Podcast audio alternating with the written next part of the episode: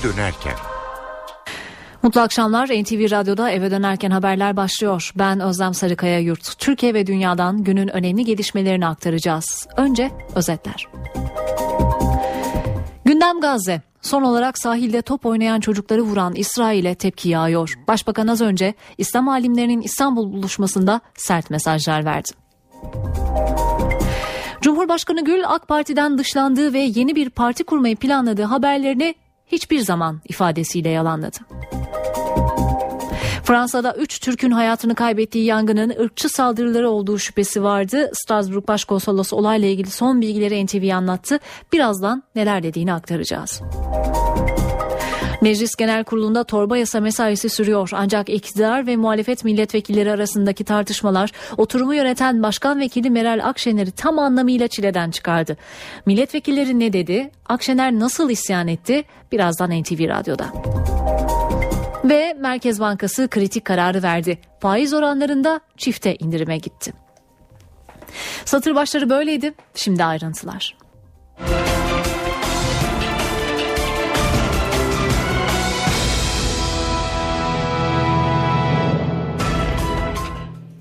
İsrail'in Gazze'ye saldırıları devam ediyor. İsrail donanması Gazze kıyılarını vurduğunda çocuklar plajda futbol oynuyordu. Yaşları 9 ila 12 arasındaki 4 çocuk hayatını kaybetti. İkisi yaralı olarak hastanede. Dört çocuk öfke ve gözyaşları içinde toprağa verildi. Sahilde oyun oynayan çocukları vuran İsrail, olayın dünyada yarattığı tepki üzerine Hamas'la ateşkes konusunda uzlaştıklarını açıkladı. Ancak hemen ardından Hamas sözcüsü bu bilgiyi yalanladı. İsrail'in Gazze'ye yönelik 10 gündür süren hava operasyonunda 227 Filistinli hayatını kaybetti. Yüzlerce yaralı var. İslam alimleri İstanbul buluşmasında konuşan Başbakan Erdoğan'ın gündeminde de Gazze vardı. Başbakan sessiz kalan batılı ülkelere çatarken İslam dünyasının da sessiz kalmasına tepki gösterdi. 10 gündür İsrail Gazze'ye bomba yağdırıyor. Bunu ilk kez yaşamıyoruz. 1948 yılından bu yana her gün her ay özellikle de mübarek Ramazan aylarında biz bu sistematik soykırım girişimine şahit oluyoruz. Başbakan Recep Tayyip Erdoğan, İsrail'in Gazze saldırılarını soykırım olarak niteledi. Diyanet İşleri Başkanlığı'nın İstanbul'da düzenlediği Dünya İslam Bilginleri toplantısında konuşan Erdoğan, Birleşmiş Milletleri sessiz kalmakla eleştirdi. Ancak İslam dünyasına yönelik eleştirisi çok daha sert oldu. Burada bir şey söylemek zorundayım. Özel eleştiri dedim ya, dünyayı suçlamak, batıyı suçlamak işin en kolay tarafı. Dünya susarken, batı susarken maalesef İslam dünyası da susuyor. Soruyorum neredesin sen ey İslam dünyası? Senin canın yanmıyor mu ya? Senin yüreğin parçalanmıyor mu ya? Başbakan Erdoğan, İslam dünyasının mezhep çatışmaları nedeniyle kan gölüne döndüğünü söyledi. Birlik çağrısını yineledi. Kardeşlerim, ölen çocuk Sünni ya da Şii olmaktan öte bizim öz ve öz çocuğumuzdur. Ağlayan kadın Sünni ya da Şii olmaktan öte bizim öz ve öz kardeşimizdir. Başbakan dün Sakarya mitinginde CHP lideri Kılıçdaroğlu'na yüklenmiş, sen İsrail'i kına Esad'ı kına demişti. CHP lideri bugün yazılı açıklamayla cevap verdi. Boynundaki Yahudi cesaret madalyasını çıkar öyle konuş. Ben zalim kim olursa olsun hepsini kınadım. Senin gibi çifte standart uygulamadım dedi. Kılıçdaroğlu başbakanın 3 kez Gazze'ye gideceği yönünde açıklama yapmasına rağmen Amerika Birleşik Devletleri izin vermediği için gidemediğini iddia etti. Dışişleri Bakanı Ahmet Davutoğlu İsrail'in Gazze'ye yönelik saldırılarının uluslararası hukuka göre suç olduğunu söyledi. Bakan Davutoğlu NTV yayınında soruları yanıtladı kolektif cezalandırma yöntemi uygulanıyor. Uluslararası insan hakları ve savaş hukuku bağlamında da suç teşkil eden her şey icra ediliyor bu harekatlarda. Eğer tünellerin kapatılması isteniyorsa mutlaka bir limanın, havalimanının açılması lazım. Bir nefes borusunun açılması lazım Gazze. Bu çok fazla bir talep değil. Yani limanı olmayacak, havalimanı olmayacak, kara kapılarını kapatacaksınız. Nedir bu? Gettodan öte bir durum. Dışişleri Bakanı Ahmet Davutoğlu İsrail'in Gazze saldırılarına tepki gösterdi. Türkiye'yi ateşkesi sabote etmekle suçlayan İsrail Dışişleri Bakanı Avigdor Lieberman'ı ciddiye almadığını söyledi. Tutumu belli çünkü. Ahmet Davutoğlu kaçırılan Musul konsolosluk görevlileriyle ilgili de açıklamalarda bulundu. Hiçbir gece yok ki oradan gelen şu veya bu şekilde bir haberle uykumuz bölünmemiş olsun. Şunu düşünmesin hiç kimse. O vatandaşlarımızın aileleri tabii yürekleri yanıyor. Ama aynı ölçüde bizim de yüreğimiz yanıyor. Ama önemli olan nihai kertede bizim sorumluluğumuz onların sağ salim eve dönmelerini sağlamak. Ee, o bakımdan e, elimizden geleni yapıyoruz. Buna güvenirsin. Şoförlerimizle ilgili nasıl bir gün geçmişte güzel bir haber vermişsek inşallah böyle bir güzel haberi paylaşırız. Ahmet Davutoğlu bazı kentlerde Suriyeli göçmenlerle yaşanan gerilimi de değerlendirdi. Gaziantep'li, Maraşlı, Hataylı, Urfalı, Kilisli, Osmaniyeli, Adanalı, Malatyalı bütün vatandaşlarıma hem seslenmek istiyorum hem mübarek Ramazan günü bir kez daha takdirlerimi ifade etmek istiyorum. Biliyorum ki çok küçük bir marjinal grup onlar. Onların derin vicdanı bilir ki Maraş'ta direniş yapılır varken Fransız işgaline karşı Halep'te de Maraş'a yardım gidiyordu. Halep'te de vardı. Ama kader Halep'i bizim dışımızda bıraktı diye Halep'e sessiz kalabilir miyiz? NTV Radyo Cumhurbaşkanı Abdullah Gül yeni parti kuracağı haberi üzerine yazılı açıklama yaptı. Hiçbir zaman böyle bir düşüncesi olmadığını söyledi. Partiden dışlandık. Erdoğan'dan rahatsızlığını dile getirmeye başladı. Yeni bir partide siyasete devam işareti verdi. Cumhuriyet gazetesinde yer alan Cumhurbaşkanı Abdullah Gül'le ilgili habere Çankaya Köşkü'nden yalanlama geldi. Bugün bir gazetede dışlandık. Gül de anladı başlıklarıyla yayımlanan haber tümüyle gerçek dışıdır. Hiçbir zaman yeni bir parti kurma düşüncesinde olmamıştır. Köşkün açıklamasında Sayın Cumhurbaşkanımız haberde iddia edilen konulara ilişkin düşüncelerini daha önce çeşitli vesilelerle kamuoyuyla paylaşmıştır da denildi. Haberde Gül'ün yakın çevresine kurucusu olduğumuz partinin dışına düşecek duruma geldik dediği iddia ediliyordu. Haberin ardından başlayan yeni parti mi kuracak tartışmasına Gül yaptığı açıklamayla son noktayı koydu. Cumhurbaşkanı böyle bir düşüncesinin olmadığını açıkladı. Meclis Genel Kurulu'nda torba yasa tasarısı görüşmeleri 3 gün önce başladı ancak iktidar ve muhalefet tartışması nedeniyle 3 gündür maddelere geçilemedi. Meclis Başkan Vekili Meral Akşener bu tartışmalar nedeniyle sonunda isyan etti. La havle ve la kuvvete illa billahül aliyül azim. Nokta. Sizi dinliyorum Sayın Başkan. Meclis Genel Kurulu'nda torba tasarı görüşmelerinde oturumu yöneten Meclis Başkan Vekili Meral Akşener zor anlar yaşadı. Benim de bu komisyonu da kalkın buradan gidin. Bu komisyon raporunu da istemiyorum. Meclisi de kapatıyorum demek gibi bir yetkim yok. Bitti. Tamam usul tartışması açmaktan beynim döndü. Muhalefet karşı olduğu bazı maddeler nedeniyle görüşmelere geçilmesini engellemek, iktidarsa görüşmelere bir an önce başlamak istedi. Tartışmalar uzadı, Akşener sık sık milletvekillerini uyarmak zorunda kaldı. Sayın Günal bağırmayın ya. Vallahi kulaklarım çınlıyor. Car car car car car. Ama yüksek sesle konuşuluyor ya. Nefesim kesildi. Yani sizin kesilmedi mi yorulmadınız mı? Ya, hayret bir şey. Millet ne kadar enerjik ya. Cahil dediniz, onu dediniz, yetersiz dediniz, şunu dediniz, bunu dediniz. İade bile etmedim. Ama artık yani israf ettim doldu nokta. Böyle şey yok canım. Bağırışmayın ya bir dakika. Bu usul tartışmasını ben açmıyor muyum? Ha ben aç, açmıyorum kardeşim. Yeter artık ya. Hep sürekli olarak bir emir kipiyle bana konuşuluyor. Ben Genel kurulda tartışmalar nedeniyle tasarının maddelerine geçilemedi. Kısa bir ara ardından haberlerimizi aktarmayı sürdüreceğiz. Eve dönerken devam ediyor. Haberleri aktarmayı sürdürüyoruz. Fransa'nın Mulhouse kentinde 3 Türk'ün hayatını kaybettiği yangınla ilgili ayrıntılar netleşiyor. Kentin belediye başkanı ilk bulgulara göre yangının kazayla çıktığını söyledi. Strasbourg Başkonsolosu Serdar Cengiz de olayın ırkçı bir saldırı olmadığı görüşünde. Fransa'nın Mulhouse kentinde Hasan Arslan, Nimet Arslan ve 13 yaşındaki kızlarının yaşamlarını yitirdiği yangının nedeni soruşturuluyor. Mulhouse Belediye Başkanı ve Vali Yardımcısı yangından kurtulan ailenin diğer 3 çocuğunu hastanede ziyarete gittiklerinde konuyla ilgili bilgi verdi. Belediye Başkanı Jean Rotnier ile Vali Yardımcısı Jean-Pierre Condemin yangının uzman bir ekip tarafından araştırıldığını, ilk bulguların kazara çıkmış olabileceğini gösterdiğini söyledi. Yangında yaşamını yitirenlerden Hasan Arslan'ın yakınlarına göre yangını alt kattaki kiracı çıkarmış olabilir. Yangın birinci katta başlayınca e, merdiven boşluğundan yukarıya doğru çıkıyor. O anda e, bizim teyze oğlu e, kapılar kapalıymış ve küçük çocuk da dışarı çıkmak istemiş. Kapıyı açtığında ateş ve e, duman e, presyonu sonucu e, birden e, eve doğru e, girmiş. Strasbourg Başkonsolosu Serdar Cengiz de yangının ırkçı bir saldırı olduğunu sanmadığını söyledi.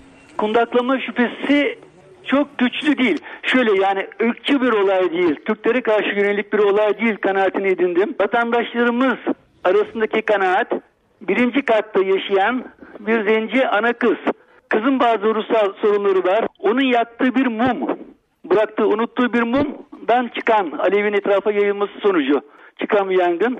Yangından kurtulan Hüseyin, Halil ve Zeliha Arslan'ın dayıları çocukların velayetini almak için mücadele edeceğini söyledi. Yangında yaşamını yitirenlerin bedenleri ise Türkiye'ye gönderilecek. Mulhouse kentindeki yangında Hasan Arslan 3 çocuğunu çatıya çıkarmış ancak karısı ve diğer çocuğunu almak için yeniden girdiği alevlerin arasından çıkamamıştı. Antalya'da dün polis merkezinin bahçesine girip Türk bayrağını indirmeye çalışan gencin vurulması olayı netleşiyor. Olayı kaydeden kamera görüntülerine göre polis o genci aşağı inmesi için uyarıyor. İki kez uyarı ateşi açıyor. Daha sonra da bacağından vuruyor. 19 yaşındaki Cengiz Önkol hastanede tedavisinin ardından bugün adliyeye sevk edildi. Erzurum'da bir otomobil ineğe çarptı. İnek öldü ve zincirleme gelişen olaylarda şehir karıştı. Köylüler ineğe çarpan sürücüye saldırdı. Polis havaya ateş açtı. Çıkan olaylarda HDP Erzurum İl Başkanı'nın yeğeni hayatını kaybetti. Olay Erzurum Palandöken'de Bölge Trafik Şube Müdürlüğü önünde oldu. Otomobil yola aniden çıkan büyükbaş hayvana çarptı. Hayvanın telef olduğunu duyan sahipleri kazanın ardından sürücüye saldırdı. Yaşanan arbede sırasında sürücü bıçakla yaralandı. Olayı gören Trafik Şube Müdürlüğü önündeki nöbetçi polisler kavgaya müdahale etti. Ekipler yaralanan sürücüyü polis otosuna bindirerek uzaklaştırmak istedi. Öfkeli kalabalık kendilerini engelleyen polise tepki gösterdi. Ekip arabasının camlarını kırdı. Bunun üzerine polis havaya uyarı ateşi açtı. Arbede sırasında kurşunların isabet ettiği 15 yaşındaki Furkan karnından 16 yaşındaki abi İbrahim Çavuş ise bacağından yaralandı. Hastaneye kaldırılan kardeşlerden 15 yaşındaki Furkan hayatını kaybetti. İki kardeşin HDP Erzurum İl Başkanı Nevzat Çavuş'un yeğeni olduğu öğrenildi. Gerginlik gece de devam etti. Kalabalık bir grup trafik şube müdürlüğüne taşla saldırarak camlarını kırdı. Ekipler hastane ve polis merkezi önünde geniş güvenlik önlemi aldı. Türkiye, dünyanın en genç ikinci romancısı olarak ünlenen Eren Demir'in 16 yaşında ölümünü konuşuyor. İstanbul Ataköy'de 10. kattaki evinin balkonundan düşen Eren Demir bugün gözyaşlarıyla toprağa verildi. Ailesi perişan, arkadaşları şaşkındı. 12 yaşında yazdığı romanıyla dünyanın en genç ikinci romancısı ünvanını alan Eren Demir son yolculuğuna uğurlandı. Esselamu Aleyküm ve Rahmetullah. 10. kattaki evlerinden aşağı düşerek hayatını kaybeden 16 yaşındaki Eren Demir için cenaze töreni Ataköy'deki Ömer Duruk Camii'nde yapıldı. Cenazeye Demir'in akrabalarının yanı sıra yakınları ve arkadaşları katıldı. Törende Eren Demir'in küçük kardeşi de vardı. Annesi ve babası güçlükle ayakta durdu. Anne Demet Demir Eren'in kız arkadaşına sarılarak ağladı.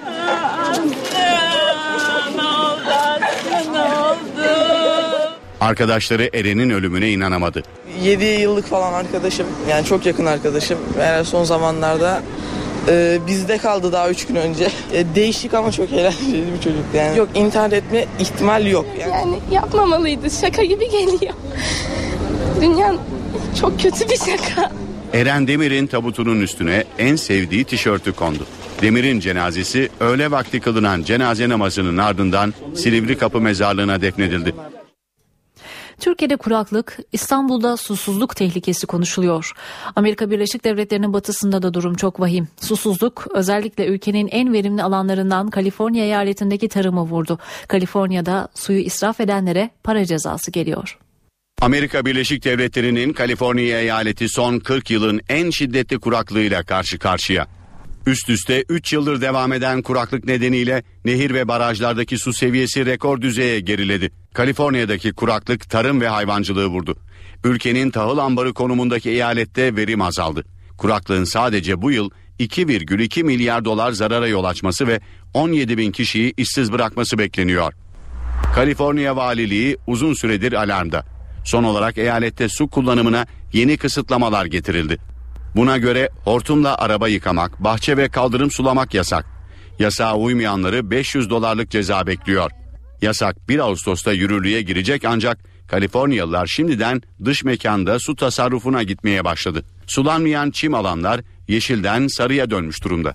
Kısa dönemde yağış beklemeyen Kaliforniyalıların bazıları çareyi sararmış çimleri yeşile boyamakta buldu. Kaliforniya'da artık bahçeleri, mezarları, golf ve futbol sahaları gibi çim alanları yeşile boyayan bir şirket bile var. Kaliforniya'daki kuraklığın etkilerinin Amerika ile sınırlı kalmayacağı belirtiliyor. Birçok ülkeye sebze ve meyve ihraç eden bölgede üretimin azalmasıyla dünya gıda fiyatlarının yükselebileceği vurgulanıyor. Sırada NTV Meteoroloji Editörü Gökhan'a buradan hava durumu var. İyi akşamlar. Marmara, Batı Karadeniz ve Ege'de yerel yağışlar ve kuzeyli rüzgarların azalttığı sıcaklıklar Güney Ege'den başlayarak yeniden yükseliyor. Önümüzdeki hafta Akdeniz ve Batı'da daha da yükselmesini bekliyoruz.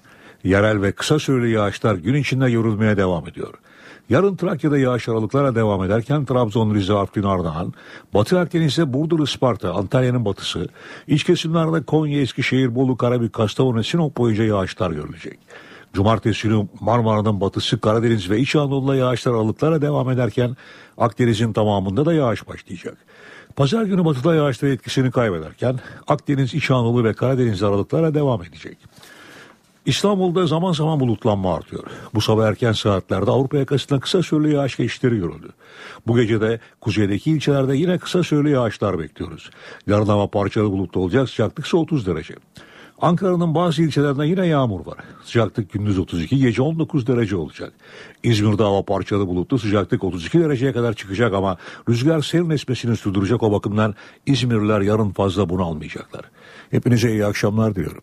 Hoşçakalın. Merkez Bankası kritik kararı aldı. Faiz oranlarında çifte indirime gitti.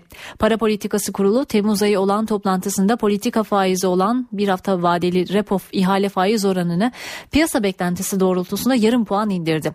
Politika faiz oranı %8,75'ten 8,25'e çekildi. Faiz koridorunun alt bandı %11,5 olarak korunurken alt bandı oluşturan Merkez Bankası gecelik borçlanma faiz oranı %7,5'a çekildi. Kurul enflasyon üstündeki baskının sınırlanacağını öngördü. Enflasyondaki düşüş hızını sınırlayan temel faktörün ise gıda fiyatları olduğu belirtildi. Para piyasalarındaki durumu aktaralım. Dolar 2.12.24, Euro 2.87.22'den işlem gördü. Bir araya çıkıyoruz. Saat başına tekrar sizlerle olacağız. İstanbul yollarındaki durumu aktarmak üzere sizlerleyiz. Özellikle TEM üzerinde yoğun bir trafik söz konusu Avrupa kanadında. E5 ile başlayalım biz Avrupa yakasını aktaralım. Yer yer yoğunluk sürüyor E5 üzerinde Boğaziçi Köprüsü yolunda ama asıl yoğunluk Topkapı civarında başlıyor. Köprü çıkışına kadar da bu yoğunluk devam ediyor Altunizade'ye kadar. Tersi yönde Boğaziçi Köprüsü'ne girişte Anadolu'dan Avrupa'ya geçişte Acıbadem Köprüsü'ne başlıyor yoğunluk. Köprü ortasında çözülüyor bu yoğunluk ve e, yine Cevizli Bağ kadar e, trafik açık görünüyor E5 üzerinde. TEM'e bakacak olursak eğer TEM'de Avrupa yakasında Anadolu'ya gidiş yönünde Mahmut Bey gişeler çıkıştan kısa bir süre sonra çok yoğun bir trafik söz konusu. Köprü üzerinde köprü çıkışında bu trafik devam ediyor. Gökseyirleri civarına kadar sürüyor. Tersi yönde Avrupa Anadolu yakasından Avrupa'ya geçişte Çavuşbaşı Tır Parkı civarından başlıyor trafik ama köprü ortasında çözülüyor ve çok yoğun bir trafik değil diye de belirtelim. Daha sonra e, Seyrantepe civarında trafik şu an için akıcı. Hastal'da yoğunlaşıyor. Gişelere kadar bu yoğunluk devam ediyor tem üzerinde. Eve dönerken devam ediyor. Saat 18 NTV Radyo'da eve dönerken haberler sürüyor. Gazze'de ateşkes bilmecesi, Cumhurbaşkanı adaylarının mesajları, mecliste muhalefetin yıldırma taktiği, dünyada Halep'ten Kaliforniya'ya kuraklık haberleriyle gündem yoğun. Hemen ayrıntılara geçelim. Gazze'de ateşkes İsrail ve Hamas'tan yapılan açıklamalarla bilmeceye dönüştü. Başbakan Tayyip Erdoğan İsrail'in soykırım yaptığını söyledi. Buna sessiz kaldıklarını belirterek batıya ve özellikle İslam ülkelerine sert çıktı. 10 gündür İsrail Gazze'ye bomba yağdırıyor. Bunu ilk kez yaşamıyoruz.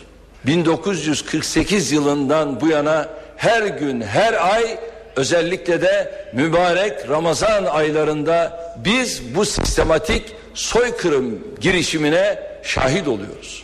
Başbakan Recep Tayyip Erdoğan, İsrail'in Gazze saldırılarını soykırım olarak niteledi. Diyanet İşleri Başkanlığı'nın İstanbul'da düzenlediği Dünya İslam Bilginleri toplantısında konuşan Erdoğan, Birleşmiş Milletleri sessiz kalmakla eleştirdi. Ancak İslam dünyasına yönelik eleştirisi çok daha sert oldu. Burada bir şey söylemek zorundayım. Özel eleştiri dedim ya. Dünyayı suçlamak, batıyı suçlamak işin en kolay tarafı. Dünya susarken, batı susarken maalesef İslam dünyası da susuyor. Soruyorum neredesin sen ey İslam dünyası? Senin canın yanmıyor mu ya? Senin yüreğin parçalanmıyor mu ya? Başbakan Erdoğan, İslam dünyasının mezhep çatışmaları nedeniyle kan gölüne döndüğünü söyledi. Birlik çağrısını yineledi. Kardeşlerim, ölen çocuk Sünni ya da Şii olmaktan öte bizim öz ve öz çocuğumuzdur. Ağlayan kadın Sünni ya da Şii olmaktan öte bizim öz ve öz kardeşimizdir. İsrail'den Gazze'ye son saldırının yapıldığı yerde çocuklar plajda top oynuyordu. Yaşları 9 ila 12 arasındaki 4 çocuk hayatını kaybetti. İkisi de yaralı olarak hastanede. Olayın dünyada yarattığı tepki üzerine İsrail'den Hamas'la ateşkes konusunda uzlaştıkları açıklaması geldi. Ancak Hamas sözcüsü bunu yalanladı. İsrail'in Gazze operasyonunu ve ateşkes girişimlerini El Hayat yazarı Yusuf Şerif NTV yayınında değerlendirdi. Ateşkes, ateşkes girişimleri, kapsamlı ateşkes açıklamaları ama daha sonra Hamas'tan gelen açıklama. Ateşkes konusunda e, son olarak nasıl e, bir noktadayız? Aslında hala az da olsa bir umut var. Ee, bu sefer İsrail'in Gazze'ye yaptığı saldırı, e, İsrail-Hamas arasındaki çatışma ve müzakereler, e, pürüz İsrail-Hamas arasında e, gözükmüyor. Aslında savaş var ikisi iki taraf arasında ama pürüz e, Hamas ve Mısır arasında. Bu sefer farklı. 2008-2009 yılındakinden ve 2012'den e, savaşından farkı bu. E, çünkü bütün Hamas liderleri biliyorsunuz şimdi Mısır'da yeni bir yönetim var. E, SCC var ve SCC yönetimi Hamas tıpkı İhvan-ı Müslümin gibi bir terör örgütü olarak nitelendiriyor. Bu yüzden e, direkt bir diplomatik temas yok. Onlarla Mahmud Abbas Filistin Devlet Başkanı üzerinden konuşmaya çalışıyor ya da El Muhaberat üzerinden konuşmaya çalışıyor ve bu e, tavır Hamas'ı çok rahatsız ediyor. Şimdi Hamas bu savaşta aslında kendini daha iyi bir durumda olduğunu hissediyor. Çünkü füzeleri ileri bir mesafeye gitti. Daha etkili oldu. 2009 ve 2012'den daha iyi bir savaş performansı gösterdi. İsrail'i gerçekten etkiledi, titretti. Bu yüzden Hamas diyor ki ben daha iyi şartları, bir e, ateşkes şartları istiyorum. Fakat bu şartları ben Mısır'la müzakere etmem lazım. Madem Mısır arabuluculuk yapıyor, beni muhatap alması lazım ve benimle konuşmam, konuşması lazım. Şimdi Hamas'ın ikinci adamı Abu Marzuk, Mısır'da oturan temsilci Abu Marzuk e, şu açıklama yaptı bir yarım saat önce. Dedi ki ateşkes anlaşması yok. Mısırlılar bizimle daha konuşmadı. Zaten hatırlarsınız e, iki gün önceki Mısır'ın önerdiği ateşkes e, önerisi Hamas şöyle cevap verdi. Biz bunu medyadan duyduk. Bizimle kimse böyle bir şey müzakere etmedi. Kimse bizimle oturup konuşmadı. Hamas'ın derdi Mısır onu muhatap almamak. Mısır'ın derdi de bu yeni yönetimin sıkıntısı Hamas'la bir terör örgütü muamelesi yapması ve sıkıntı buradan kaynaklanıyor. İlk defa bir de ilginç bir durum var. İsrail ateşkese koşuyormuş gibi gözüküyor. Yani evet ilk öncesi öneri kabul etti. Şimdi yeniden kabul ediyoruz diyor. Fakat Hamas tereddüt ediyor. Hamas istemiyor. Neden? Çünkü dediğim gibi Hamas bu savaşta önceki savaşlara nazaran kendini daha iyi bir şekilde daha güçlü olduğunu hissediyor. Daha fazla şartlar istiyor ama burada yine bir sıkıntı var. Hamas'ın istediği bütün ek ve fazla şartları aslında savaş olmadan hiçbir Filistinli burnu kanamadan gerçekleşebilir. Eğer Hamas Filistin yönetimine dahil olursa, yeniden e, uzlaşı olursa ve Filistin yönetimi, Mahmud Abbas'ın yönetimi Gazze'ye hakim olursa Hamas'ın bütün istediği şartları yani refah kapısı açılması, ambol, a, a, ambargo kalkması hepsi zaten olacaktı. E, ve savaşa gerek yok. Bu yüzden bir kargaşa var. Hamas'ın talepleri e, Mısır ciddi almıyor. Filistin yönetimi de diyor ki Hamas'ın ek talepleri bunlar biz zaten yapabiliriz savaş olmadan. Karşı tarafta bir de İsrail hemen ateşkes istiyor gerçekten. Çünkü İsrail hükümeti zor durumda şu anda. Bu kadar füze beklemiyordu Hamas'tan. Bu kadar askeri bir güçle karşılaşacağını düşünmemişti e, İsrail bu savaşı girerken. Bu durumda İsrail'le e, arabulucu olarak Mısır'ın e, etkisini e, altını çizdiniz. Peki İsrail'le Mısır'ın diyaloğu nasıl bir durumda? Ee, İsrail ile Mısır diyalogu gay- ga- gayet iyi. Zaten e, 4-5 gün önce e, Cumhurbaşkanı, Mısır'ın Cumhurbaşkanı SDC Netanyahu telefonla aradı. Ondan sonra e, Mahmut Abbas'ın önerdiği ateşkesin taslağı konuştular, ayarladılar. Ondan sonra Mısır 3 gün önce bir ateşkes önerisini sundu. Yani Filistin yönetimiyle ve İsrail'e e, müzakere ederek ama Hamas'la hiç müzakere etmeden ateşkes önerisini ortaya attı ve bu Hamas'ı e, çok e, kızdırdı ve Hamas'ı tabii bunu kabul e, etmesi mümkün değil dedi. dedi. Çünkü e, başkalarının müzakere ettiği bir ateşkesi ben böyle kabul edemem, etmem. E, bu yüzden bir diyalog var. Şu anda Mahmut Abbas, o da biraz ilginç bir fotoğraf. Mahmut Abbas Hamas'la Mısır arasında arabuluculuk yapıyor. E, Mısır'a gitti. E, Hamas'ın ikinci e, adamı Abu Marzuk'la oturup dün müzakere etti. Bütün şartları müzakere etti. Sonra El Sisi Mısır Cumhurbaşkanı ile oturup müzakere ediyor. Bu ateşkesi şartlarını müzakere ediyorlar. Ve tabii ki Mısır İsrail'le de onu müzakere ediyor. Bu yüzden böyle bir diyalog var ama bu diyalogun aya- eksik ayağı Hamas. Ki Hamas bu yüzden diyor ki ben daha iyi bir şartlar istiyor ama bu daha iyi şartlar nedir? Sorun orada da var. Yani iki sorunumuz var bence.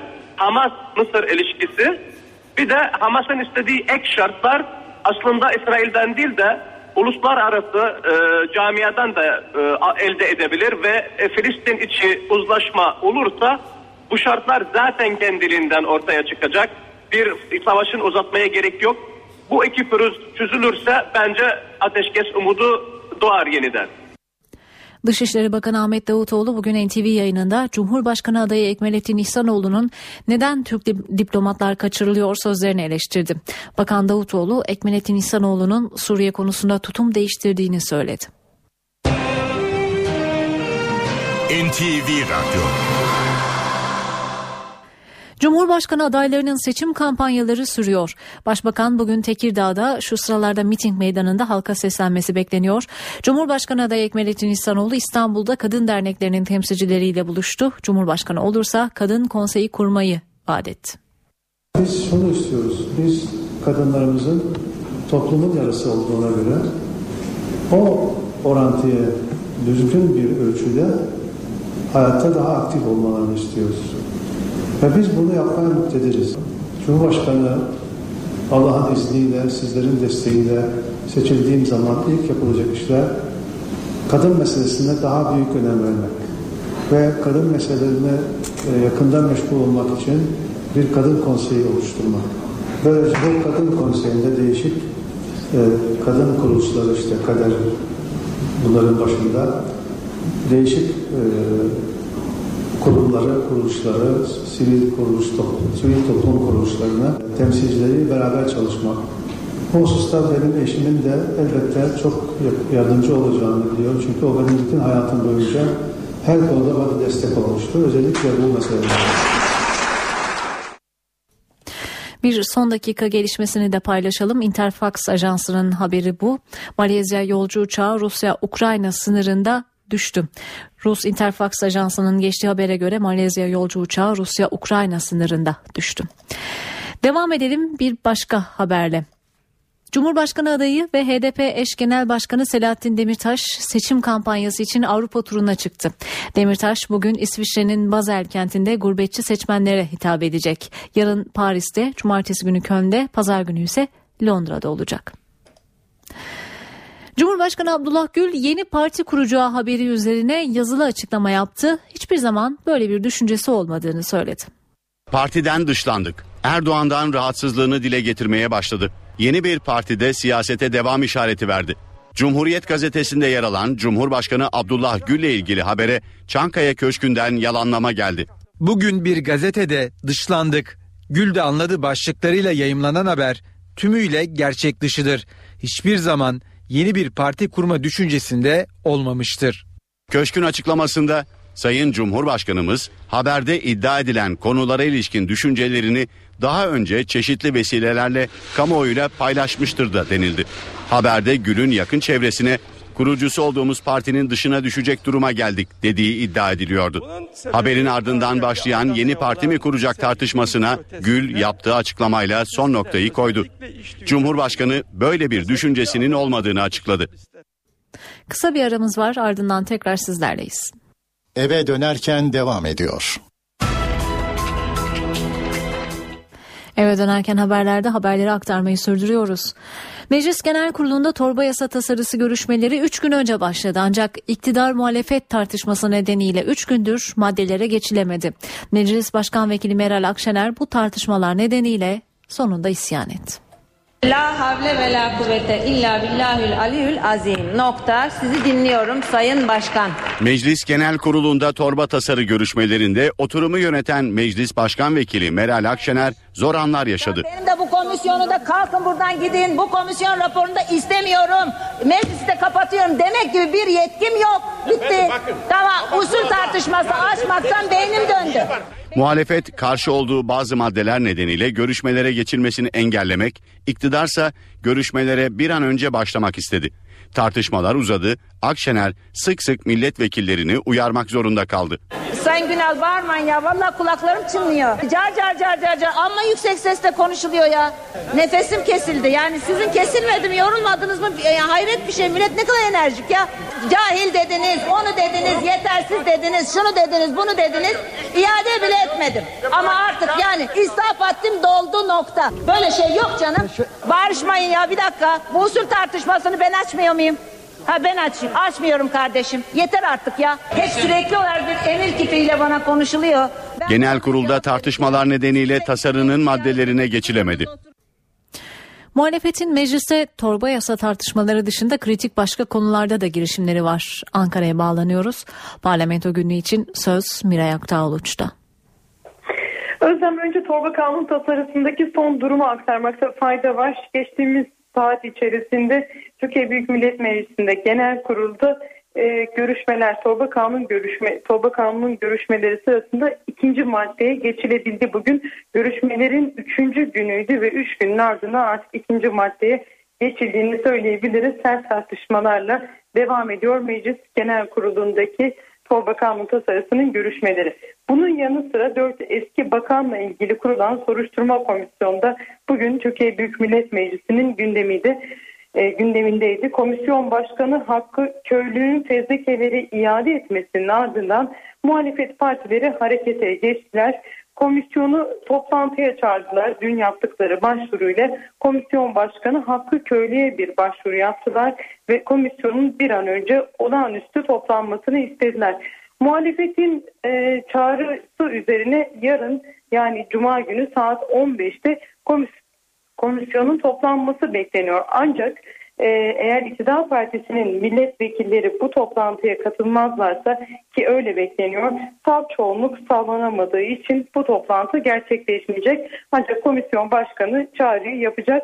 Bu yüzden yarınki toplantı mecliste takip edeceğimiz önemli başlıklardan biri olacak. Dört eski bakanla ilgili kurulan soruşturma komisyonu.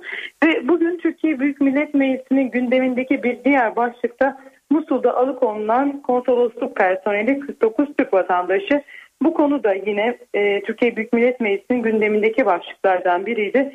Cumhuriyet Halk Partisi'nin bu konuya ilişkin yapacağı önemli başvurular var. E, bunlardan ilkinin Anayasa Mahkemesi olduğunu söyleyebiliriz. Cumhuriyet Halk Partisi İstanbul Milletvekili Umut Oran yarın yayın yasağının kaldırılması için Anayasa Mahkemesi'ne başvurmaya hazırlanıyor. Umut Oran başvuru dilekçesini hazırladığını belirtti. Bugün kameraların karşısına geçti mecliste ve bir başka başvuru daha yapacağını söyledi. Hem Cumhurbaşkanlığına hem de Başbakanlık Teftiş Kurulu'na başvuruları olacak Umut Oran'ın. Cumhurbaşkanlığına başvurusunun gerekçesi Devlet Denetleme Kurulu'nun 49 Türk vatandaşının alıkonulmasıyla ilgili soruşturma başlatması. Aynı şekilde Başbakanlık Teftiş Kurulu'nun da benzer bir soruşturma başlatmasını istiyor. Umut Oran başvurusunda o başvuruları da bugün içerisinde tamamlayacağını söyledi. Cumhuriyet Halk Partisi'nin İstanbul Milletvekili ve bu arada bugün o basın toplantısı sırasında Musul'da alıkonulan vatandaşlar arasında yer alan bir e, vatandaşın Nermin Taşdelen'in abisi de meclis kürsüsünde konuştu ve kız kardeşi, kız kardeşinin eşi 11 aylık yeğenin sağlık durumu ile ilgili bilgi sahibi olmadıklarını söyleyerek bu durumdan şikayetçi olduklarını ifade etti. E, dediğimiz gibi bugün önemli başlıklardan biri de Türkiye Büyük Millet Meclisi'nde Musul'da alıkonulan Türk vatandaşlarıydı. Şimdi ana muhalefetten bu yönde başvurular ardarda arda gelecek gibi gözüküyor Özlem. NTV Radyo Erzurum'da bir otomobil ineğe çarptı, inek öldü ve zincirleme gelişen olaylarla şehir karıştı. Köylüler ineğe çarpan sürücüye saldırdı. Polis havaya ateş açtı. Çıkan olaylarda HDP Erzurum İl Başkanı'nın yeğeni hayatını kaybetti. Olay Erzurum Palandöken'de Bölge Trafik Şube Müdürlüğü önünde oldu. Otomobil yola aniden çıkan büyükbaş hayvana çarptı. Hayvanın telef olduğunu duyan sahipleri kazanın ardından sürücüye saldırdı. Yaşanan arbede sırasında sürücü bıçakla yaralandı. Olayı gören Trafik Şube Müdürlüğü önündeki nöbetçi polisler kavgaya müdahale etti. Ekipler yaralanan sürücüyü polis otosuna bindirerek uzaklaştırmak istedi.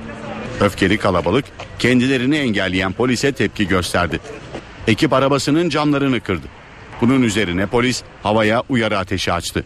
Arbede sırasında kurşunların isabet ettiği 15 yaşındaki Furkan karnından 16 yaşındaki abi İbrahim Çavuş ise bacağından yaralandı. Hastaneye kaldırılan kardeşlerden 15 yaşındaki Furkan hayatını kaybetti. İki kardeşin HDP Erzurum İl Başkanı Nevzat Çavuş'un yeğeni olduğu öğrenildi. Gerginlik gece de devam etti. Kalabalık bir grup trafik şube müdürlüğüne taşla saldırarak camlarını kırdı. Ekipler hastane ve polis merkezi önünde geniş güvenlik önlemi aldı. İstanbul'da ünlü isimlerin yoga eğitmeni olarak bilinen Akif Manaf dolandırıcılık iddiasıyla gözaltına alındı. Yoga kursu şubeleri açacağı ve yoga öğretmeni olarak işe alacağı vaadiyle pek çok kişiden para aldığı iddia edilen Manaf'la ilgili cinsel istismar iddiaları da ortaya atıldı. Manaf adliyede hakkında karalama kampanyası yürütüldüğünü savundu, iddiaları reddetti. Ünlü yoga eğitmeni yurt dışı yasağı konularak serbest bırakıldı.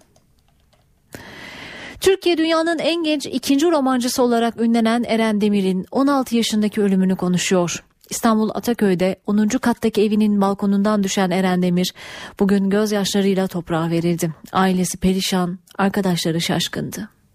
12 yaşında yazdığı romanıyla dünyanın en genç ikinci romancısı ünvanını alan Eren Demir son yolculuğuna uğurlandı.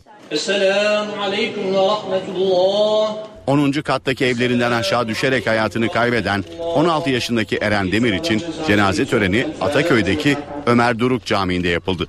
Cenazeye Demir'in akrabalarının yanı sıra yakınları ve arkadaşları katıldı. Törende Eren Demir'in küçük kardeşi de vardı. Annesi ve babası güçlükle ayakta durdu. Anne Demet Demir Eren'in kız arkadaşına sarılarak ağladı.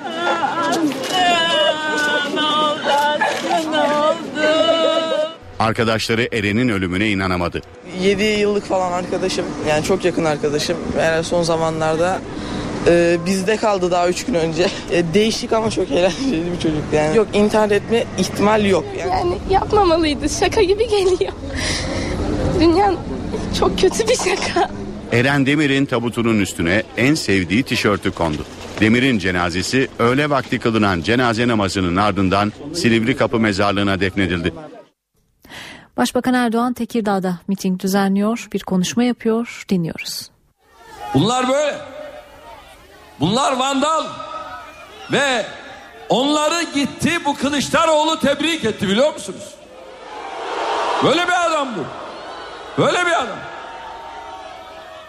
Kendilerinden başkasına hayat hakkı, özgürlük tanımazlar. Bunların siyaseti sadece ve sadece korkutma siyaseti, kutuplaştırma siyasetidir.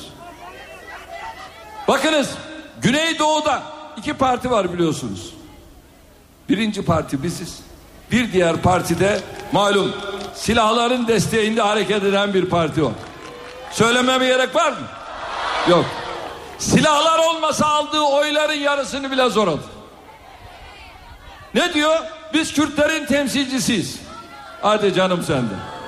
Benim Kürt kardeşlerime, vatandaşlarıma sen bugüne kadar ne verdin ya? Ne desteği verdin, ne yardımı verdin? Ama AK Parti onlara bugüne kadar görmedikleri destekleri verdi. Güneydoğu bizimle ayağa kalktı. Şu anda Güneydoğu'da neredeyse hava alanı kalmayan ilimiz yok. Hakkari şu anda bütün engellemelere rağmen o havaalanında yapıyoruz. Diyorlar ki ya Hakkari'ye ne gerek? Orası Türkiye Cumhuriyeti'nin vatan toprakları. Orada da bunu yapacağız. İsteseler de yapacağız, istemeseler de yapacağız. 780 bin kilometre karelik bu vatan toprakları muasır medeniyetler seviyesinin üstüne çıkacak. Kardeşlerim işte bunu gerçekleştirecek olan kadro bizim kadro. Bunlarda eser üretmek diye bir şey yok. Ben sürekli söylüyorum ey Kılıçdaroğlu, ey Bahçeli ya Sivas'tan ötesi Türkiye değil mi oralara niye gitmiyorsunuz? Gidemezler. Geçenlerde Kılıçdaroğlu Diyarbakır'a gitmiş. Ne yaptı biliyor musunuz? Bir salon toplantısı yaptı döndü. O kadar. O kadar. Daha başkasını yapamaz. Bunlar bu. Kardeşlerim Dersim katliamı malumunuzdur. Dersim katliamı CHP'nin döneminde olmuştur. Dersim katliamına karşı Kılıçdaroğlu'nun bir ifadesini duydunuz mu? Duyamazsınız. Çünkü failleri kendileridir. Onun mensubu olduğu CHP'dir. Ben bu devletin başbakan olduğum için özür diledim. Ama o dileyemez. O dileyemez. Niye? Çünkü onda böyle bir vefa yok. Onda böyle bir idrak yok. Kardeşlerim, idraki meali bu küçük akla gerekmez. Zira bu terazi bu kadar sikleti çekmez. Kılıçdaroğlu. Bunların Türkiye'yi büyütmek, Türkiye'ye ufuk çizmek, vizyon kazandırmak gibi bir dertleri de yok. Bunlar sadece korkutuyor. Toplumu geriyor. Kutuplaştırıyor. O sayede değerli kardeşlerim ayakta kalmaya çalışıyorlar. Şimdi bu CHP yıllarca ne yaptı? Millete tepeden baktı. Bunu yaptı. Bunlarda gurur var. Bunlarda kibir var. Ama ya Rabbi. Zaten onunla ayakta duruyorlar. Ve dikkat edin bunlar kaymak takımın partisidir. Masumların, mağdurların, mazlumların değil. Kendilerine oy vermeyenlere hakaret ederler. Hatırlıyorsunuz değil mi? Ne diyorlar? Bidon kafalı dediler. Göbeğini kaşıyan adam dediler. Koyun sürüsü dediler. Makarnacı dediler. Kömürcü dediler. Yıllardır bunu söyleyen CHP şimdi çıkmış kendi seçmenine ne diyor? Kendi arkadaşlarına ne diyor? Tıpış tıpış sandığa gideceksiniz diyor. Kürsüye de vuruyor ha. Tıpış tıpış sandığa gideceksiniz diyor. CHP kendi seçmenine koyun muamelesi yapıyor. Hiç kimseye danışmadan, istişare etmeden, tepeden inme bir şekilde dayatma bir aday çıkardılar. İşte aday bu. Gidip buna oy vereceksiniz dediler. Oy vermeyeceğiz diyenlere de kaba bir dille tıpış tıpış gidip oy vereceksiniz. Benim CHP'li kardeşim inşallah 10 Ağustos'ta bu dayatmaya, bu kaba üsluba sandıkta gereken cevabı verecektir ben buna inanıyorum. Sevgili Tekirdağ, salon sosyeteleriyle bu ülke yönetilmez. Toprağı eşeliye eşeliye o nasırlı ellerle el ele omuz omuza yürüyenlerle biz bu ayağa kaldırdık Türkiye'yi.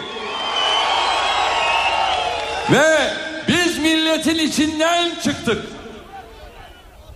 Onun için de hamdolsun 12 yıl 8 seçim hepsinde büyüyerek geldik. Niye?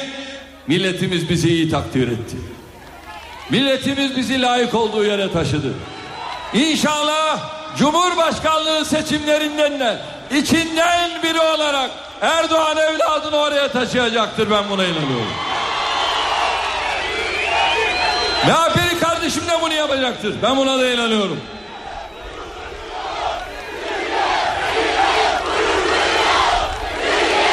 Biz sizlerle gurur duyuyoruz. Kardeşlerim, Kılıçdaroğlu her türlü hakareti yapıyor mu? Yapıyor. Bahçeli her türlü hakareti yapıyor mu? Şimdi bir de bir, bir tane daha çıkmış şimdi. Aa, o da baktım hakaret etmeye başladı. Fakat benim aldığım edep dersi bunlara aynı dille cevap vermeme mani. Vermedim, vermem. Aslında yetiştiğim yer Kasımpaşa. Gereğini yaparım. Ama aldığım ders buna müsaade etmez. Benim ahlak anlayışım buna müsaade etmez. Çünkü biz milletimizle bu yolda bu şekilde yürüdük, bu şekilde yürümeye devam edeceğiz. Bakınız şu anda hiçbir konuda karar almıyorum. Hiçbir konuda kalkıp da bu milletin derdiyle dertlenemiyorlar. Ne diyor adayları? Çok enteresan. Ben diyor icraatın başı değilim diyor. Nesin ya? Yani Cumhurbaşkanı orası affedersiniz orası vitrin saksılarının olduğu bir yer değil. Orası icra makamı ya. Orada yan gelip yatamazsın, çalışacaksın. Bu milletin birliği, beraberliği, bütünlüğü neredeyiz, nereye gidiyoruz bunun takipçisi olacaksın. Ama haberi yok bu işlerden. Ve bizler işte şu son dönemde Sayın Gül'le beraber el ele verdik. Omuz omuza verdik. Hamdolsun bir sıçramayı yakaladık. Ama ondan önce maalesef işte yine aynen böyle bir yapı vardı. İstediğimiz gibi bir sıçramayı o dönemde zar zor yürüttük. Kardeşlerim öyle de olsa böyle de olsa milletim inanıyorum ki 10 Ağustos'ta birinci turda gereken cevabı bu CHP'nin üst yönetimine MHP'nin üst yönetimine HDP'nin üst yönetimine verecektir. Çünkü biz farklıyız. Bizde Türk, Kürt, Laz, Çerkez, Gürcü, Abaza, Boşnak, Arnavut, Pomak, Roman böyle bir ayrım yok. Kardeşlerim biz yaradılanı yaradandan ötürü sevdik.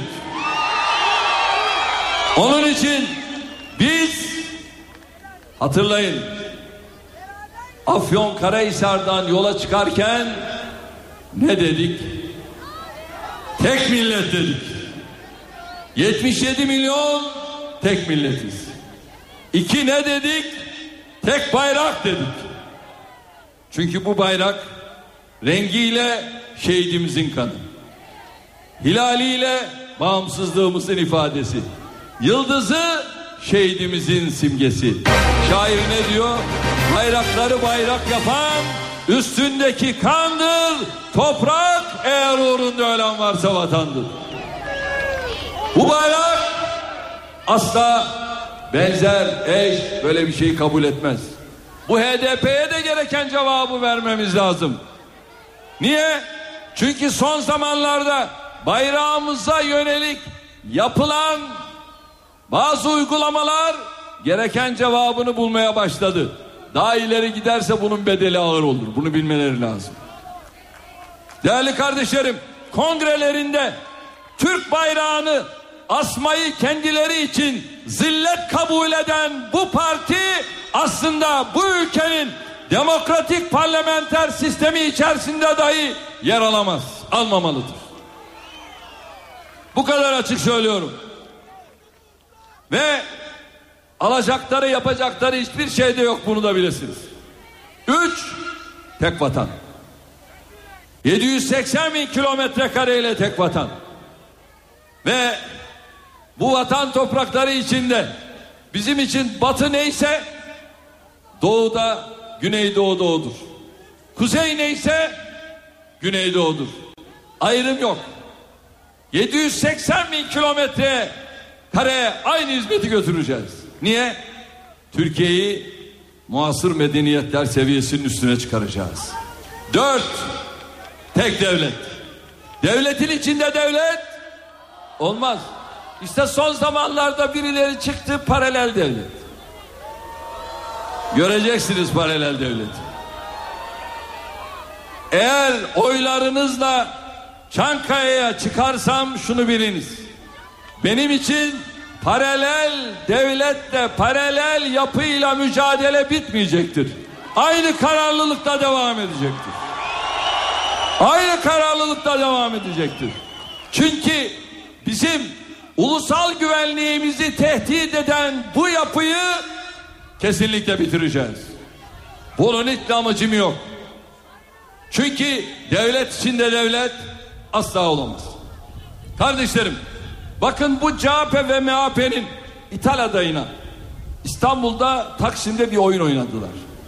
Ne yaptılar? Bu adayın eline üzerinde kendi resminin olduğu bir dergi tutuşturdular. O dergiyle poz verdi. Acemilik çok kötü bir şey. Hele siyasetin acemisi olmak çok çok kötü bir şey. Peki bu dergi neyin nesi? Bilmeyenler vardır. Duymayanlar vardır. Görmeyenler vardır. Onlar da bu derginin ne olduğunu bilsinler. CHP ve MHP adayının elinde tuttuğu dergi bir sayısında kapaktan Bediüzzaman Said Nursi'ye çok ağır hakaret etti. Yetmedi. Bir başka kapağında CHP'nin şu andaki genel müdürüne çok ağır hakaret etti. Yani Kılıçdaroğlu. Yetmedi. Bu dergi birkaç kapağında ırkçı bir dille Hitler'i aratmayan bir söylemle Kürt kardeşlerimize hakaret etti. Yine bitmedi. Bu dergi çeşitli kapaklarında açık açık darbeyi savundu. Darbe istedi. Şahsıma da çok hakaretleri oldu. Bir değil, iki değil. Devamlı. Bir kapağında da değerli merhum siyasetçi kardeşimiz Muhsin Yazıcıoğlu'na da çok ağır hakaret etti. Fakat söylemek istemezdim. Bugün söyleyeceğim. Muhsin Yazıcıoğlu kardeşimin mirasını taşıyan parti gitmiş şimdi bu adaya destek vereceğini açıklamış. Allah aşkına bu nasıl bir karnı genişliktir? Bu nasıl bir ilkesizliktir? 30 Mart seçimleri öncesinde merhum Yazıcıoğlu'nun kemiklerini sızlattılar. Şimdi bir kez daha onun hatırasını ayaklar altına alıyorlar. Yatıyorlar, kalkıyorlar, söyledikleri bir şey var. Neymiş? Bu hükümet Yazıcıoğlu'nun faillerini bulmamış.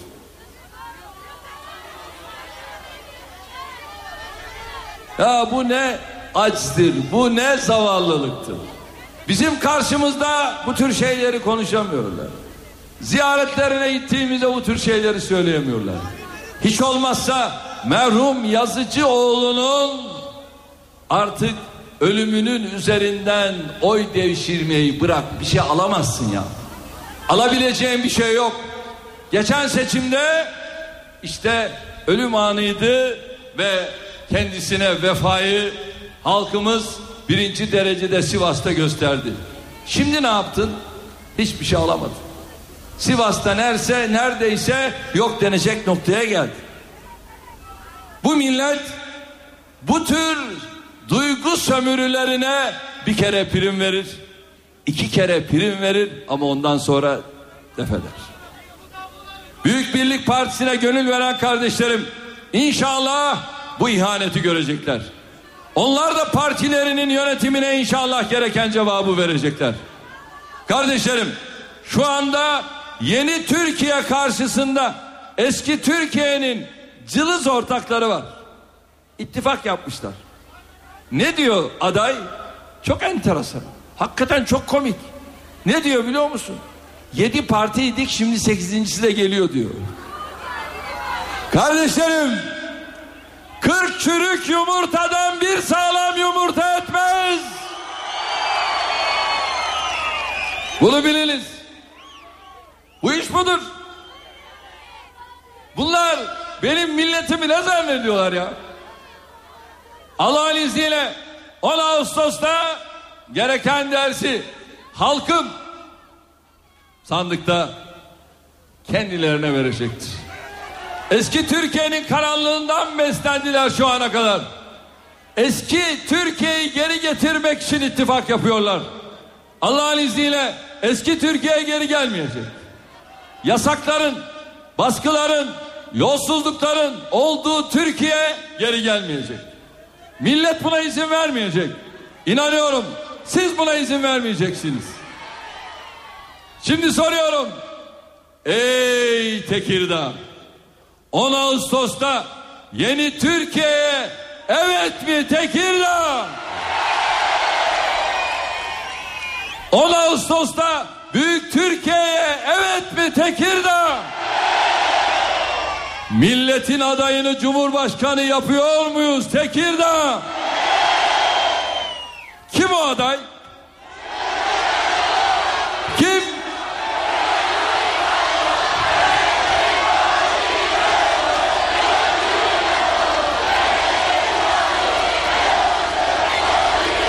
Maşallah.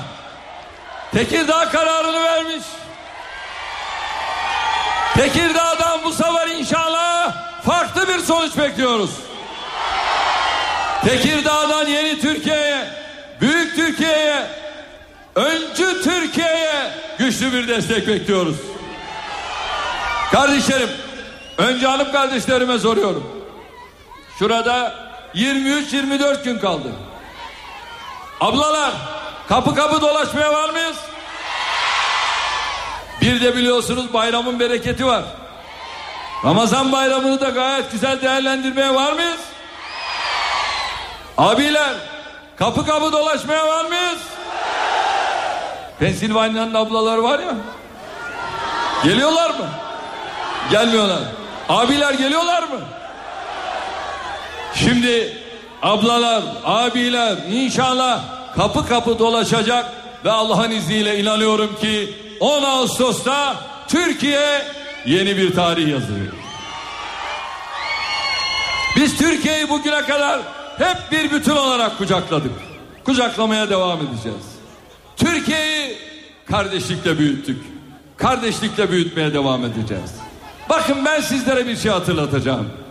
2007 yılında biz mecliste Cumhurbaşkanı seçmek istediğimizde bu CHP ne yaptı biliyor musunuz? Hayır seçemezsiniz dedi. Önümüze hukuku katlederek engeller getirdiler. Öyle midir? O zaman halka gideriz. 2007'de halkımız bize yüzde 47 ile destek verdi. Onun öncesinde de Cumhurbaşkanını artık halk seçsin dedik ve anayasa değişiklik yaptık. Öyle mi diyorsun? Gökten ne yağar ki yer kabul etmez. CHP mecliste bu anayasa değişikliğine de karşı çıktı. Şimdi ben Tekirdağ'a sesleniyorum. Diyorlar ki halk seçmesin. Peki hangi yüzde bu Kılıçdaroğlu bu Bahçeli halkın karşısına gelecek? Yani madem halk seçmesin diyorsun halka kendi başkanını seçmesini layık görmüyorsun. Hangi yüzde buraya geleceksin ya? Öyle mi? Onun için 10 Ağustos çok önemli. Gereken dersi vermek lazım. Sandıkta demokratik bir şekilde benim irademi ipotek altına alamazsın Kılıçdaroğlu.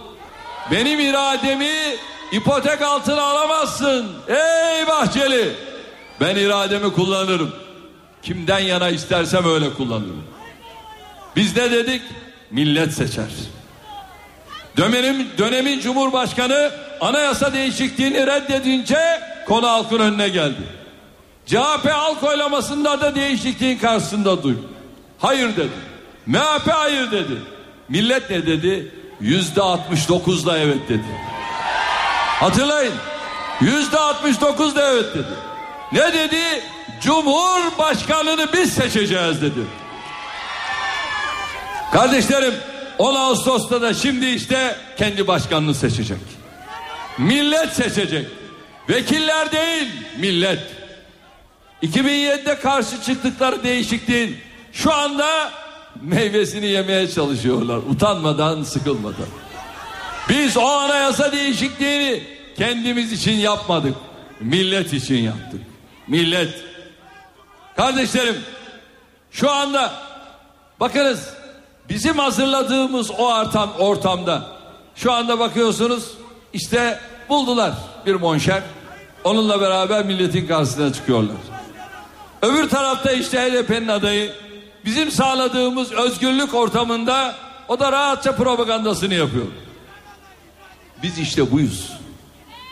Biz hiçbir zaman kendimiz için çalışmadık. Her zaman millet için çalıştık. CHP'li için de çalışan biz olduk. MHP'li için de çalışan biz olduk. HDP'li için de çalışan biz olduk. Bakın şu anda özgürce manşet atan, özgürce yazı yazan, haber yapan, hatta özgürce bu kardeşinize ailesine hakaret eden medya bizim her reformumuza karşı çıktı. Bize karşı çıkıyor ama bizim inşa ettiğimiz özgürlük iklimini doya doya yaşıyorlar. Olsun. Biz ne yaptıysak millet için. Ne yaptıysak 77 milyon için yaptık. Önümüzdeki süreçte de bu şekilde devam edeceğiz. 77 milyon için hizmet üretmeye, eser üretmeye devam edeceğiz. Ekonomiyi inşallah çok daha büyüteceğiz. Özgürlükleri daha da genişletecek. Başbakan Cumhurbaşkanlığı seçim kampanyası için Tekirdağ'da mitingde konuşuyordu. Konuşmasının bir bölümünü canlı olarak aktardık. Şimdi kısa bir ara ardından tekrar sizlerleyiz.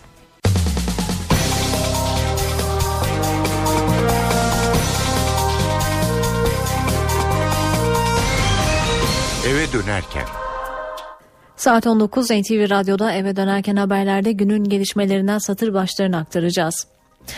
Anayasa Mahkemesi Dink davasında etkili soruşturma yapılmadığına hükmetti. Dink ailesinin yaptığı bireysel başvuruyu görüşen yüksek mahkeme soruşturmada ihlal olduğu kararı verdi. Artvin Hopa'da önceki gün İnsani Yardım Vakfı'nın iftar için hazırladığı tıras saldırı ile ilgili Hopa İlçe Emniyet Müdürü Engin Duru ile birlikte 4 emniyet amiri görevden alındı.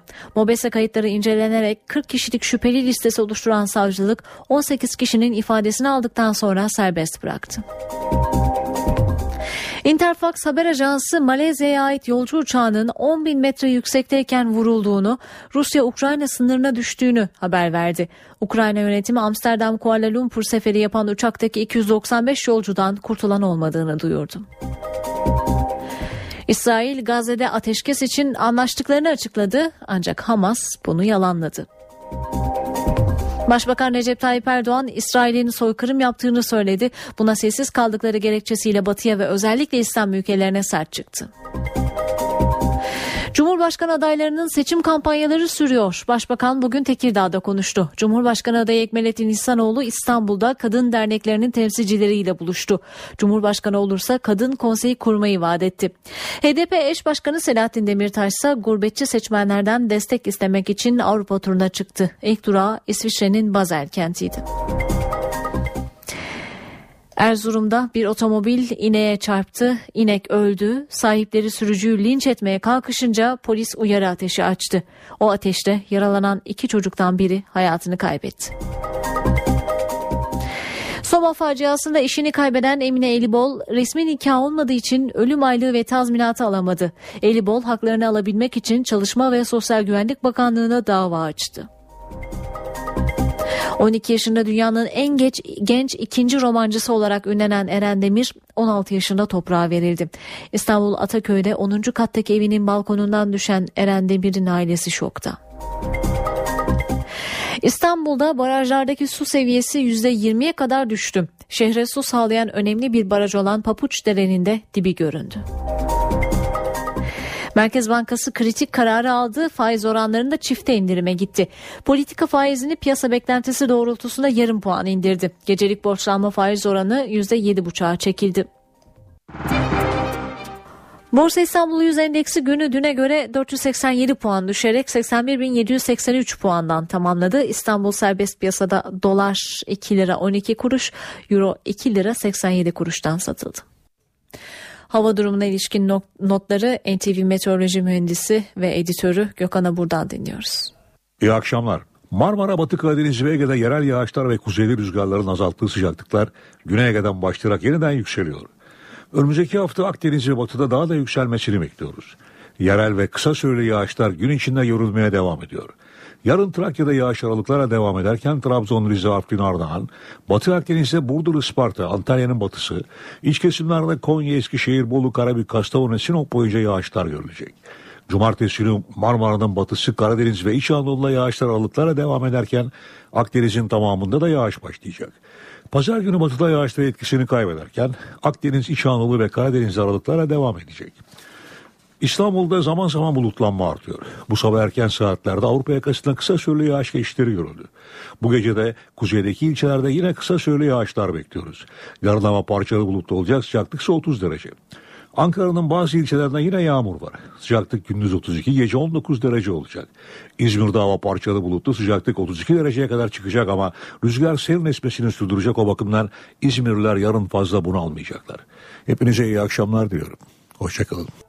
İstanbul yollarında an itibariyle durum ne bunu aktaralım. E5 üzerinde Avrupa yakasında Avcılar Küçükçekmece arası yoğun. Daha sonra trafik hafifliyor ancak yine Haliç öncesinde Cevizli Bağ civarından başlayan trafik köprü üzerine hatta köprü çıkışına kadar sürüyor. Anadolu yakasında Altunizade'ye kadar. Tersi yönde yine Boğaziçi Köprüsü girişi Altunizade'den başlayan yoğunluk köprü üzerinde çözülmeye başlıyor. Köprü çıkışı rahat ancak Haliç'te başlayan trafik yine Küçükçekmece Avcılar'a kadar devam ediyor. Teme bakacak olursak Mahmut Bey gişeler çıkışta yine Anadolu yakası yönünde Fatih Sultan Mehmet Köprüsü girişine kadar çok yoğun bir trafik söz konusu.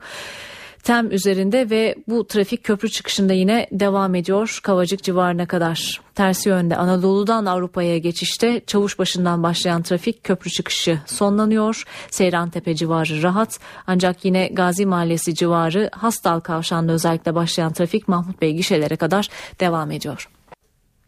NTV Radyo'da biz burada noktalıyoruz. NTV Radyo'nun yayını Çift Forvet programıyla devam ediyor.